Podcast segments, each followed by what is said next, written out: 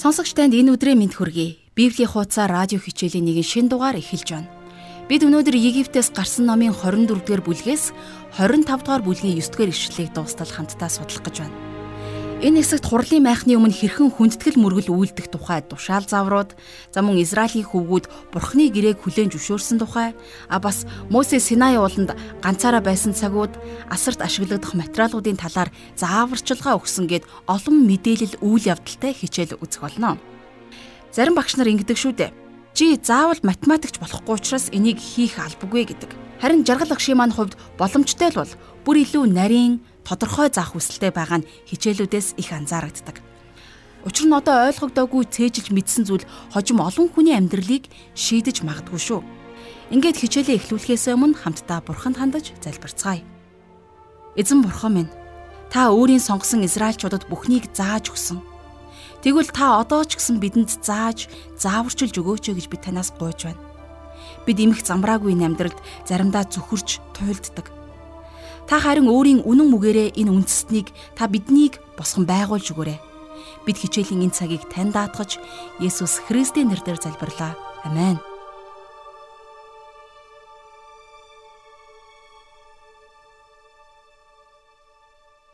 За тэгэхээр Египтээс гарсан номын 24-р бүлэг нь Египтээс гарсан номын 21-р бүлэгт эхлүүлсэн нийгмийн хууль журмын талаарх хэсгийг дүгнэн баздаг. За Мосегийн хууль нь 10 хуулиас илүү их утга агуулмжтай болохыг бид нар олж мэдэх болно. Тэгэхээр нийгмийн хууль журамч гэсэн нэлээд их зүйлсийг хамарсан байгаа юм. За ингээд хамтдаа Египтээс гарсан номын 24-р бүлгийн 1-р ишлээс харцгаая. Дараа нь тэр Мосед Чи Аарон, Надаб, Абиху болон Израилийн ахмадуудаас 70 хүний хамт эзэн өөд ирж алсаас мөрөг болгоомжтой бай гэсэн байна. За бурхан эдгэр хүмүүст уул руу гарч ирэхийг тушаасан байдаг. А гэхдээ онцгой байр суурьтай эдгэр хүмүүс хүртэл бурханыг зөвхөн холоос хүндэтгэх ёстой байсан. Тэгэхээр тэдний хувьд нэгүүлсэл дор байна гэдг нь чухам яг юугаараа хуулийн дор байхаас өөр юм бэ. За тэгэхээр тэдний одоо байгаа яг энэ нөхцөл байдал нь Бурхан анх тэднийг Египтээс өөрийн нэгүслийнхээ жигүүр дээр авчирсан үеэс яг юугаар өөр болсон бэ? Тэгэхээр хуулийн дор байгаа хүн бол Бурханыг холоос хүндэтгэх ёстой байдаг.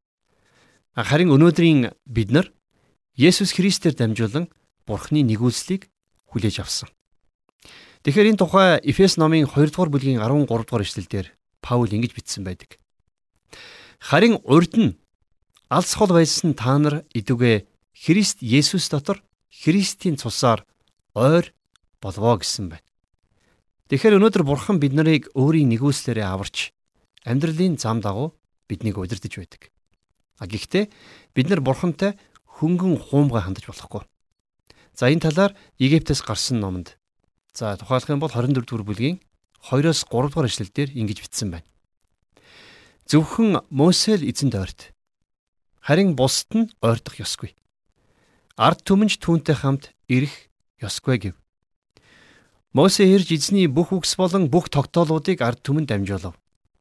Ард түмэн бүгдээрээ нэгэн дуугаар эзний айлтсан бүх үгсийг бид даган биелүүлнэ гэж хариулцгаав. За энэ нь болохоор Бурхан Израилийн хүүхдүүдээс өөрийнх нь тушаалууд болон за хуулийг хүсэж байгаа эсхийг лавлсан хоёр дахь тохиолдол баг юм. Тэд нар маш их өөртөө ихтгэлтэй сэтгэл хангалуун За бараг бардам байсан гэж хэлж болно. Тийм ээ. Бид таны хуулийг хүсэж байна гэж тэд нар бурханд үчсэн байна. Тэд нар эзний үгсийг хүлээж авахаас өмнө тэдгэрийг биелүүлэхээ амлаж байсан. За тэгээд бурхан тэдэнд 10 хуулийг өгсөн. Тэд нар тэдгэрийг сахиж чадна гэдэгтээ өөртөө дэндүү итгэлтэй байсан. Тэгэхээр Израильчууд яаж ингэж өөрсдөө хуурч чадваа гэж зарим хүмүүс гайхдаг. А гэхдээ би бүр илүүгээр хуулиар өнөөдөр ч гэсэн амьдарч болно гэж итгэдэг олон хүмүүс байдагт би бүр их гайхдаг. Бурхны жишгт хүрч байгаа гэж тэдгэр хүмүүс өөрөө өөрсдөө хуурдаг. Энэ бол үнэхээр амар зүйл. За Иохны 1-р захидлын 1-ийн 8-р ишлэлдэр Иохан бидэнд ингэж бичиж үлдээсэн байдаг. Хэрвээ бид нүгэлгүй гэж хэлбэл өөрсдийгөө мэхэлж байгаа. Тэгээд бидний дотор үнэн алгаа гэсэн байна. Та нүгэлгүй гэж өөрийн хөршөө хуурч чадахгүй. Би огт нүгэлгүй гэж эхнэрээ эсвэл нөхрөөч за магадгүй хайртай хүнээ хуурах боломжгүй. А гэхдээ та өөрийгөө харин хуураад байна. Хэрвээ та гим хийдгүй гэж хэлэх юм бол та өөрийгөө хуурж байгаа хэрэг. Өөрийгөө гимгүй гэж хэлэх хүний дотор жаахан үнэн бий гэж та бодож болох юм. Гэтэл харин Йохан өөрийгөө гимгүй гэж хэлсэн нэгний дотор үнэн ердөөсөө байхгүй гэсэн. Хэрвээ та энийг анзаараагүй бол Йохан энийг дахин давтаж хэлсэн байдаг. Тэр юу гэсэн байдгүй гэхлээр хэрвээ бид нүгэл үйлдэггүй гэж хэлэх юм бол бид түүнийг худалж болгож байгаа хэрэг бөгөөд бидний дотор түүний үг алгаа гэсэн байна. Хэрвээ та гим нүгэл үлдээгүй гэж хэлж байгаа бол Бурхныг худалж болгож байна гэсэн үг байна. Бурхан бол худалж биш. Тиймээс өөрийнхөө сайныг магтахгүй байх нь сайн зүйл юм. Харин Израилийн хүүгүүд бардам зангаараа Бурхны хэлсэн бүх үгсийг бид нар хийх болно гэж хэлдэг. А гэхдээ үнэн хэрэгтээ тэд нар түүний бүх үгсийг сахиагүй гэдгийг та дараа дараагийн бүлгүүдээс анзаарах болно.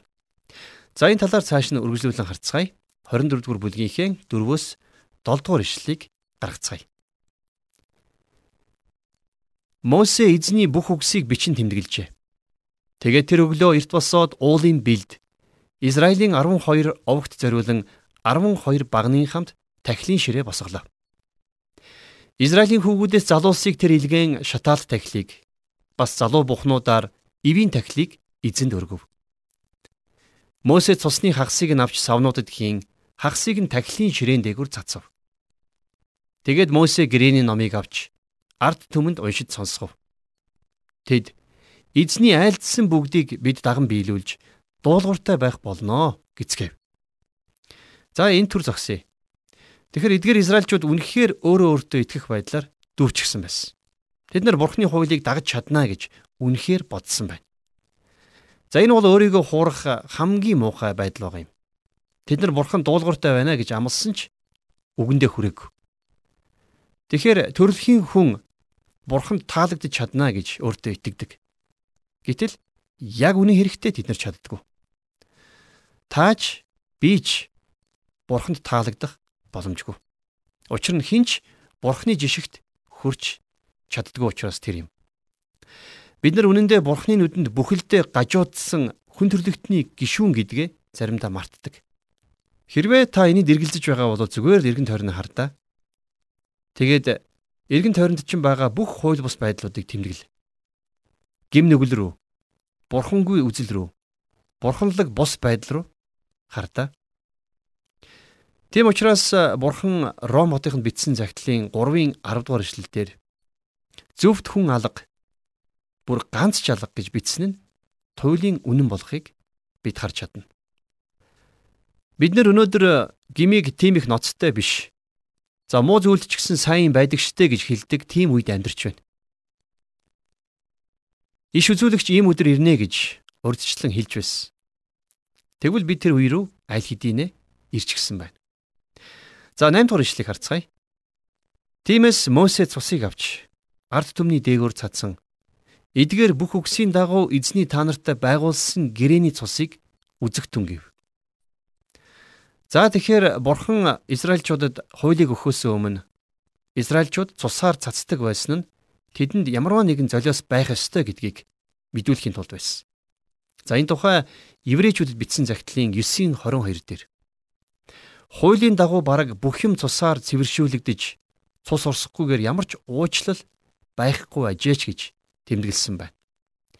Тэгэхээр бурхан энийг олон олон удаа давтаж хэлдэг. Бид нэр Тэнгэрийн ус руу явхаасаа өмнө амьдрал зогсож шийтгэл заавал төлөгдөх ёстой байдаг. За 24 дугаар бүлгийн 9-с 10 дугаар ишлэл. Дараа нь Мосе, Аарон, Надаб, Абиху болон Израилийн ахмадуудаас 70 хүнтэй хамт дээшээ гарч Израилийн бурхныг үзв. Түүний хөлийн доор нь тэнгэр мэд цэлмэг Индранилар зассан мэд юм байлаа. За тэд нар Израилийн бурхныг үзвэ гэдгийг Библийн бусад хэсгүүдээс бид нэр харьцуулан харж ойлгох хэрэгтэй байдаг. А яг үнэндээ бол хинч бурхныг хараагүй. Учир нь бурхан бол сүнс. За энэ тухай Йохан өөрийнхөө сайн мэдээ номны 1-р бүлгийн 18 дугаар эшлэлдэр Бурхныг хинж хизээж хараагүй. Эцгийн өвөрдөх цорын ганц хүү болох Бурхан нь түүнийг таниулсан юм а гэж бидэнд бичин үлдээсэн. Тэгэхээр тэдний харсан зүйл бол Бурхны нэгэн бие төлөөлөгч байсан. Бид нэр мөнхөд Бурхныг харна гэдэгт би чин сэтгэлээсээ итгэдэг. Есүс Христ бол эцгийн хамгийн ойр харагдах байдал байж магадгүй. Гэхдээ тэр бидний зүрх сэтгэлийг хангахад хангалттай байх болно. За эцгийн талаарх бидний мэдх зүйл хүүгээр дамждаг юм. Эцэг бурхан яаж харагддаг, яаж мэдрэгддэг, за бас яаж боддгийг би мэдэхгүй. Учир нь Исаи номын 55-ын 8-аас 9-р эшлэлдэр Бурхан өөрөө ингэж хэлсэн байна. Учир нь миний бодол санаанууд бол та нарын бодол санаа биш. Миний зам нь та нарын замаас өөр гэж эзэн айлдж байна. Тэнгэр нь газраас өндөр байдаг шиг миний зам та нарын замаас. Миний бодол та нарын бодлоос өндөр билээ гэж бичсэн байдаг. Тэгэхээр харин Есүс Бурхныг бидэнд илчилсэн. За тэгээд дахин хэлэхэд Мосе, Аарон, Надаб, Абиху болон Израилийн 70 ахлагч нар эцэг Бурхныг хараагүй. Харин тэд Бурхны нэг төлөөлөгчийг харсан гэсэн үг. За 11 дугаар ишлэлээс үргэлжлүүлэн харцгаая. Гэсэн ч тэр Израилийн хүүгүүдийн хүндэт хүмүүсийн эсрэг мутраа сунгаагүй бөгөөд тэд бурхныг үздцгээж бас идэж ууцгаав. За энэ ишлэл яг өмнөхийн адилаар тэд нэр бурхны нэг төлөөллийг харсан. За дараа нь Мосе бурхныг өөрөө харахыг хүсдэг. Учир нь түүний харсан бүгд л нэг төлөөлөгч нь байсан. Тэгэхээр Мосе бурхныг харахыг хүссэн. За бас шинэ гэрээ номон дээр Есүсийн дагалдагч Филипч гэсэн Бурхныг харахаар эзэн бидэнд эцгээ харуулаач. Энэ л бидэнд хангалттай гэв. Есүс би та нартай ийм удаан хамт байхад чи намайг таньсангүй гэж юу Филиппэ? Намайг харсан хүн эцгийг харсан. Гэтэл бидэнд эцгээ харуулаач гэж чи яаж хэлнэ вэ гэж Йохны бичсэн сайн мэдээ номны 14-р бүлгийн 8-аас 9-р ишлэлдэр тэмдэглэгдэн үлдсэн байдаг. Тэгэхээр хэрвээ та Бурхныг харахыг хүсэх юм бол Есүс Христээр л дамжих хэрэгтэй болно. Итгэл үнэмшлээ олсон зарим хүн авралынхаа дараа Бурхны оршихуйд шууд орж чаддгаа гих гэрчил хийхийг би урд өмнө сонсч байсан. За үнэн дээр бол бид Бурхны оршихуй руу шууд очтгүй. Харин түүн рүү очих нэгэн зууч бидэнд байдаг. Тэгэхээр энэ тухай Тимотед бичсэн 1-р загтлынхаа 2-ын 5 дээр төлөөлөгч Паул хэлэхдээ Учир нь ганц бурхан байна мөн бурхан ба хүмүүсийн хооронд ганц зууч байна. Тэр нь хүн болох Христ Есүс билээ гэж бичсэн байдаг. Та зууч болох Есүс Христээр дамжуулан бурхан руу ирдэг. Христ бол Йовын хүсэж байсан тэр хөндлөнгийн шүүгч байгаа юм. Христ нэг мотроо бурхны мотор тавиад нөгөө мотортаа таны гарыг тавьж бурхантай хоёрыг хамт болгодог. Бид эцэг бурхан руу өөрсдөө хүрэх боломжгүй. Бид нар энийг ухаан ойлгох ёстой. За цааш нь 13 дугаар ишлэлдэр Тиймээс Мосе өөрийн зарц Йошуатай хамт босож Бурхны уул руу гарлаа. За тэгэхээр яг энэ мөчөөс эхлээд Йошуа гэдэг залуутай бид танилцж байна. За Бурхан түүнийг Мосег залгамжлахад бэлтгэж байгааг дараа дараачийн хэсгүүдээс бид мэдэж авах болно. За Йошуа бол залуу хүн. Бурхан түүнд Израилийг удирдуулахаар бэлтгэхийн өмнө заах зүйл түүнд маш олон байсан. За Мосе ууланд гарахын өмнө зарим нэгэн зохион байгуулалтыг бас хийсэн байдаг. За тэгэхээр энэ зохион байгуулалтын тухай бүгдээ дараа дараа жишээлээс харцгаая. За 14-өөс 18 дугаар ишлэл дээр Харин ахмадуудад хандан тэр биднийг буцаж иртэл та нар энд хүлээж бай. Үзэгтэн Аарон хуурнаар та нартай хамт байгаа тул хин нэгэнд ямар нэг хэрэг гарвал тэдэнд ханд гэв. Тэгээд Мосе ууланд гарсан бөгөөд уулыг үүл бүрхэв. Эзний цог жавхлан Синай ууланд тогтсон байж үүл 6 өдрийн турш уулыг бүрхлээ. Долоо дахь өдөр нь тэр үүлэн дундаас Мосег дуудав. Израилийн хүүгүүдийн нүдэнд эзний цог жавхлангийн төрх нь уулын орой дээрх дүрлэлдсэн буй гал мэт байлаа. Мосе үүлэн дунд орж уул өд гарав. Мосе уулан дээр 40 өдөр 40 шөнө байлаа. За тэгэхээр энэ нь Синай уулан дээр энэ номын үлдсэн хэсэг танилцуулсан заавруудыг Мосе хүлээж авах үеэр болсон явдал юм. За ингээд бид хамтдаа Египтээс гарсан номынхон 25 дугаар бүлэг дээр ирээд байна. За тэгэхээр Египтээс гарсан номын 25-аас 30 дугаар бүлгүүдэд Бурхан Израильд өөрийг нь хүндлэх нэгэн асрын зураг төслийг өгсөн. За мөн тэрүүн тахилчийн хувцсны хев загварыг зааж өгсөн. За тэгээд дараа нь асрын бүтэц, байгууламж, за мөн бас энэ нь эзний алдраар дүүрсэн гих олон олон баримтуудыг бид мэдэж авах болно. За тэгэхээр энэ мөргөлийн асар нь Израилийн амьдралын төв байх ёстой байсан. Учир нь энэ газар бол хүн бурхантай уулзах уулзалтын газар байсан юм. За ингээд хамтдаа 25 дугаар бүлгийн 1-ээс 2 дугаар ишлэлийг уншицгаая. Тэгээд эзэн Мосед айлдсан нь Надад зориулан хандив авчир химэн Израилийн хүүгүүдэд хэл. Зүрхэндээ хөтлөгддөг хүмүүрээс надад өгснийг аав. За Израильчууд боолчлоос гараад ердөө хитгэн сар болж байсан. Гэтэл эзэн тэднийг асар барихад шаардлагатай хандив цуглуулаарай гэж зааварчилсан байна. За гайхалтай нь тэд нар өгөхөө зогсоо гэж хэлэх хүртэл маш ихийг өгсөн. Тэгэхээр ийм зүйл тэр бүр тохиолдоод байдаггүй. Би хүмүүсийг чуулганд өгөхийг нь хизээч болиулах хэрэгтэй байгаагүй. Харин Мосе бол тэгсэн. За дараа нь тэдний авчрах ёстой зүйлс юу байсан тухай? 3-аас 7 дугаар ишлээс харах юм бол Чиний тэднээс авах хандив нь алт мөнгө хүрэл. Хөх ягаан час улаан өнгийн даав. Нарийн нэгсэн майланг ямааны хялгас. Улаанаар будсан хуцсын арьс. Далайн гахаан арьс. Хуайс мод. Гэрэлтүүлгийн тос тослох тос ба анхлын утлахад зориулсан амтлагч оникс чулуунууд ефод болон цээжвчэнд суулгах чулуунууд болоо гэсэн байна. За тэгэхээр дээр гарч байгаа энэ олон эд зүйлсийн тухай сонсоод бидний төрх хамгийн ихний асуулт бол Израильчууд эдгээр зүйлсийг хаанаас олоо вэ гэсэн асуулт байх баг. Тэгэхээр та санаж байгаа Израильчууд боолжлоос дөнгөж чөлөөлөгдсөн. За энэ нь Египтийн газар нутгаас гарахтаа цуглуулсан тэдний 400 жилийн хөлсний нэг хэсэг байсан гэдгийг ойлгох хэрэгтэй. За Египтээс гарсан номын 12-ын 36-ыг эргэн санах юм бол Эзэн Египтчүүдийн нүдэнд ард түмний таалан сойрхсонд тэдний нэгснэр Египтчүүд өгсөн. Тэнхүү тэд Египтчүүдийг дээрэмдсэн билээ гэсэн ишлэл байдаг. За Израиль Египтээс гарахдаа үлэмж их хөрөнгийг авч явсан тодорхой. Тэгэхээр ганц асар барихад дор хаяад 5 сая долларын үн бүхий материал орсон гэж барагцаагаар дүгндэг. За уг асар нь хэмжээгээр жижигхэн байсан. Учир нь энийг цөлөөр алхахдаа зөөж явах хэрэгтэй. А гэхдээ нөгөөтэйгэр маш гоёмсог, баян бас үзэгсэлэнтэй байсан. За 8 дугаар ишлэлдэр би тэдний дунд оршин байхын тулд надад зориулан тэд ариун газрыг бариг. Тэгэхэр бурхан асар майханд амьдрах болно гэж хизэж хэлээг. А гэхдээ тэр хэрүүбүүдийн хооронд оршино гэдгээ хэлсэн. За энэ тухай 1-р Самуэлийн 4-ийн 4 За 2 дугаар Самуэлийн 6-гийн 2. За Хаадын дид номын 19-ийн 15. За мөн түнчлэн Исаи номын 37-гийн 16 дугаар ишлэлүүд дээр энэ бүхнийг давтан гэрчилдэг. Израиль шашин төрийг хослон барих теократик улс байсан. Тэдний хаан нь Яхов байсан. Тэгэхээр Израиль нэг ёсондоо бурхнаар удирдуулах ёстой байж. Ингээд бурхны хаан ширээ хэрүүбүүдийн хооронд залрах ёстой байсан. За тэгэхээр энэ хэрүүбүүдийн хооронд байгаа энэ газар дээр хүн бурхантай уулзах боломжтой байж.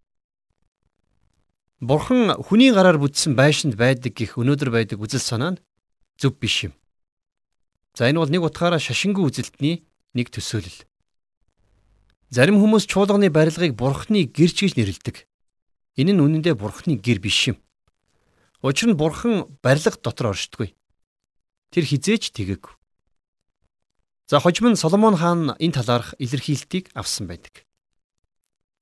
Юу гэж байдгүй гэхлээр хаадын дээд номын 8:27 дээр Гэвч бурхан газар дээр оршино гэж юу? Харах тун. Тэнгэр болон дээд тэнгэрч гэсэн таныг багтааж чадахгүй.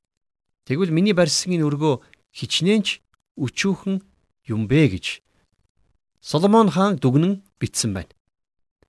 Тэгэхээр энэхүү майхан асар нь хүн бурхантай уулзах тэр болзооны газар байсан. Тэгэхээр энэ тухай дуул номын 99-р дуулалын 1-р ишлэлдэр эзэн захирдаг хүмүүсийг чичрүүлэхтэн тэрээр хэрүүбүүдийн дээр залардаг газар дэлхийг ганхуулах туун гэж бичсэн байна. Тэгэхээр гэрэний авдар өөрөө бурхны синти болж байсан гэсэн үг. За энэ бол тэдний барих ёстой байсан анхны зүйл байсан. За 25 дугаар бүлгийн 9 дугаар ишлэлээс үргэлжлүүлэн харцгаая. Асар болон түүний бүх эд зүйлсийн загвар болгон миний чамд үзүүлэх бүхний дагуу чи түүнийг барь. За тэгэхээр Еврей номон дээр газар дэлхий дээрх энэхүү асар Тэнгэр дэх асрын загвартай ижилхэн байсан гэдгийг бидэнд сануулдаг. Тэгэхээр Тэнгэрт яг ийм адилхан асар байдгүй гэсэн асуулт эндээс урган гарч байгаа юм. А би бол байдаг гих байр суурийг дэмждэг. Учир нь бурхан өөрөө энийг байдгаа гэсэн. Хэрвээ бурхан өөр утга санааг илэрхийлсэн байсан бол тэр тэрнийг мөн тодорхой болгох байсан. За мөн Еврей номын 8 дугаар бүлгийн 5 дугаар ишлэлдэр Тэд Тэнгэрлэг юмсын хуулбар ба сүудэрт үйлжилдэг. Ингэхдээ Мосег асрыг босгож дуусгах гэж байхад нь түүнд хэрхэн сануулсанчлан үйлчилдэг. Учир нь тэр Чамд уулан дээр харуулсан загварын дагуу чи бүгдийг хийхийг анхаар гэсэн юм а гэж бичсэн байна. За цааш нь мөн Еврей номын 9-р бүлгийн 23 дугаар ишлэгийг харах юм бол Тиймээс Тэнгэр дэх юмсын хуулбаруудын хувьд эдгээрээр цэвэршүүлэгдэн харин Тэнгэрлэг юмс нь өөрсдөө эдгээрээс илүү дээр тахлуудаар цэвэршүүлэгдэх шаардлагатай байв. Учир нь Христ жинхэнэ юмны хуулбар болох гараар хийгдсэн ариун газарт ороогүй. Харин идүгэ бидний төлөө Бурхны оршихуйд үзэгдэхийн тулд Тэнгэрт өөрт нь орсон билээ гэж үргэлжлүүлэн бичсэн байна.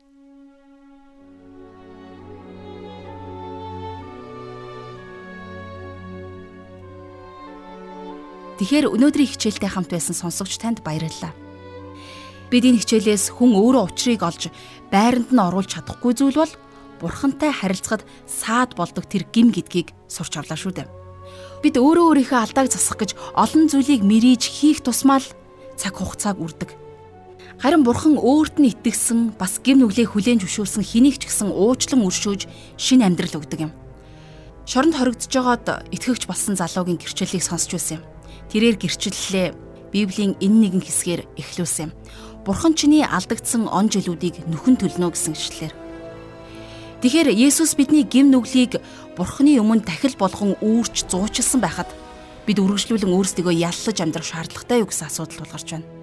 Тэгвэл би танд хэлье үгүй юм аа.